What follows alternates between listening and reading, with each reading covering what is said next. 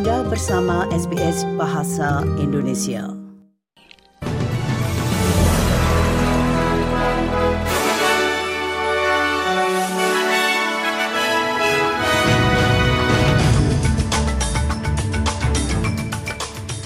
Warta berita SBS Audio untuk hari Senin tanggal 12 Juni. Sari berita penting hari ini, polisi berniat menuntut seorang supir bus sehubungan dengan kecelakaan terkait acara pernikahan yang mematikan di New South Wales. Seorang pria yang akan didakwa dengan pembunuhan di Australia Barat setelah seorang polisi yang ditabrak mobil meninggal di rumah sakit. Dan dalam dunia kriket, komentar Pat Cummins atas kemenangan timnya di World Cup Championship. Berita selengkapnya.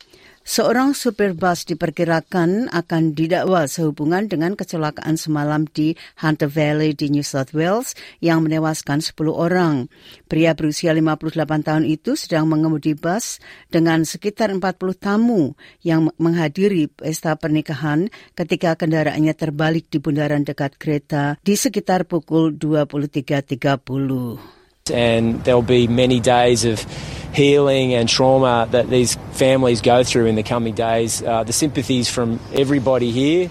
21 pasien dirawat di rumah sakit karena cedera dengan satu dalam kondisi kritis, sedangkan sisanya dalam kondisi stabil. Wali kota setempat, Sue Moore, dari Singleton Council mengatakan peristiwa itu merupakan tragedi bagi masyarakat sekitar. If anything could be anything worse, um, people attending a wedding and then on their way home from the wedding, it is just so tragic. Um, these close-knit communities of Singleton and and um, and Cessnock, um, people will be infected. Seorang pria berusia 23 tahun yang dituduh mengendarai mobil dan menabrak seorang petugas polisi di Australia Barat akan didakwa dengan pembunuhan. Konstabel polisi Anthony Woods yang berusia 28 tahun meninggal di rumah sakit karena cedera yang dideritanya setelah dia ditabrak dan terseret di bawah mobil selama upaya penangkapan minggu lalu. Regan Ansley Chown awalnya didakwa dengan pelanggaran yang melukai fisik korban, tetapi sekarang dakwaan itu akan ditingkatkan menjadi pembunuhan. Komisaris Polisi Australia Barat, Kolonel Blanche, telah membacakan pernyataan dari keluarga petugas polisi itu. We are shattered to lose our dear Anthony. He was a devoted husband, a loving son, brother, and uncle who was taken from this earth far too soon. Anthony will be remembered as a funny, hard-working man who loved the West Coast Eagles and mucking around with his mates. He brought light and laughter to every situation. Pemerintah Queensland telah mengalokasikan lebih dari 320 juta dolar dalam anggaran negara besok untuk membangun lebih dari 50 panti sosial pada tahun 2025. Pemerintah berada di bawah tekanan atas kekurangan perumahan sosial dan yang terjangkau di negara bagian tersebut dengan laporan Komisi Produktivitas baru-baru ini yang menemukan bahwa Queensland membelanjakan paling sedikit per kapita untuk perumahan sosial di Australia. Pendanaan baru mengikuti peningkatan 64 juta dolar untuk perumahan darurat di Brisbane bagian dalam dan janji 10 juta dolar untuk mengubah fasilitas karantina Pickenbell menjadi akomodasi darurat. Premier Anastasia Palaszczuk mengatakan pemerintahnya menangani masalah perumahan negara bagian itu dengan baik. This is great news. It's that additional money going in for housing, but we recognise that this is a big issue out there for families. We also know that thousands of people continue to move to Queensland, and that is putting additional pressure. Perempuan untuk pertama kalinya dalam sejarah melebihi jumlah pria dalam daftar penghargaan Order of Australia untuk ulang tahun Raja. Lebih dari separuh dari 1.200 warga Australia yang telah diakui adalah perempuan dalam daftar penghargaan ulang tahun tahunan pertama Raja Charles. Mereka termasuk mantan wakil Kapten Matildas Moya Dodd, Kepala Eksekutif Ecos, Cassandra Goldie, dan pengacara hak asasi manusia Kate Jenkins yang semuanya telah ditunjuk sebagai pejabat Order of Australia. Sebagai komisaris diskriminasi jenis kelamin, Jenkins memimpin peninjauan budaya tempat kerja di parlemen dan mengatakan suatu kehormatan telah diakui usahanya. I think I've received this honour uh, because I've really worked over my whole career towards creating safe, respectful, and inclusive workplaces. I have not done it alone, and I know this award is not recognition of me doing things. Pelawak Barry Humphries juga menerima penghargaan yang tertinggi yaitu The Companion of the Order of Australia setelah beliau meninggal. Juga mantan Deputi Partai Buruh Jenny McLean. Hari ini adalah awal Pekan Kesehatan Pria yang berlangsung hingga tanggal 18 Juni.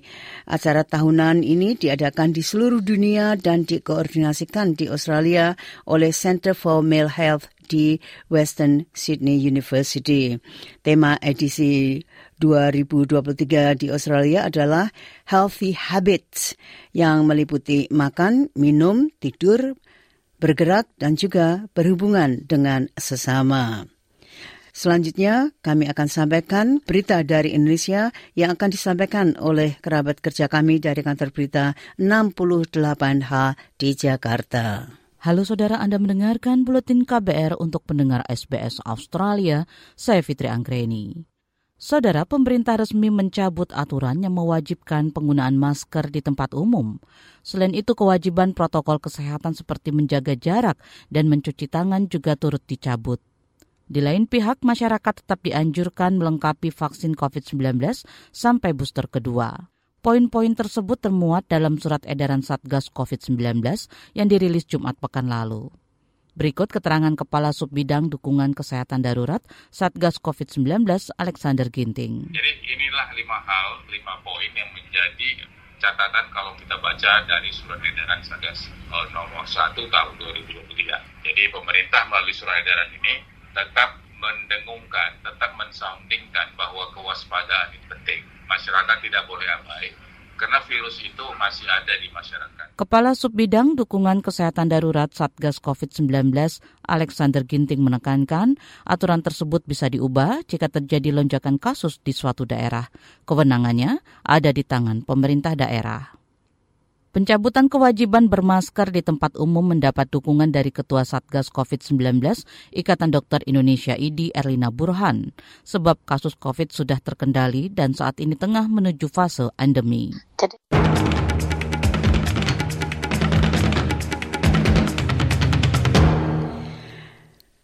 Nah, dalam bidang kriket, Kapten Australia Pat Cummins mengatakan kemenangan komprehensif timnya atas India di babak final kejuaraan tes dunia menandakan awal dari apa yang diharapkan akan menjadi warisan yang menentukan dari peninggalan Inggris itu. Australia bertujuan untuk memenangkan seri Ashes di Inggris untuk pertama kalinya sejak 2001 ketika mereka memulai seri lima tes mereka di Edgbaston pada hari Jumat. Cummins mengatakan pada saat-saat sulit menjelang kemenangan, tetapi pada akhirnya tim menunjukkan apa yang mereka mampu untuk kerjakan.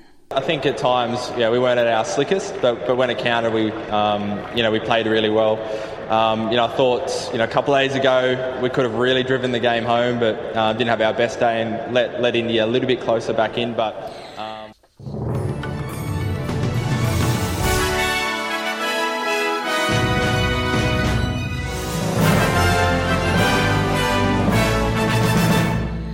Nah sekali lagi sari berita penting hari ini, polisi berniat untuk menuntut seorang sopir bus sehubungan dengan kecelakaan terkait acara pernikahan yang mematikan di New South Wales. Seorang pria akan didakwa dengan pembunuhan di Australia Barat setelah polisi yang ditabrak mobil meninggal di rumah sakit. Dan dari dunia kriket, komentar Pat Cummins atas kemenangan timnya di World Test Championship. Sekian Warta Berita SBS Audio untuk hari Senin tanggal 12 Juni.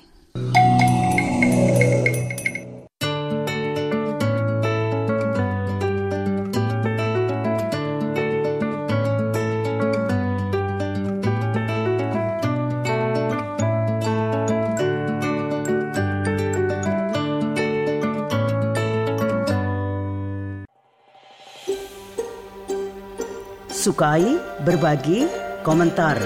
Ikuti SBS program Bahasa Indonesia di Facebook.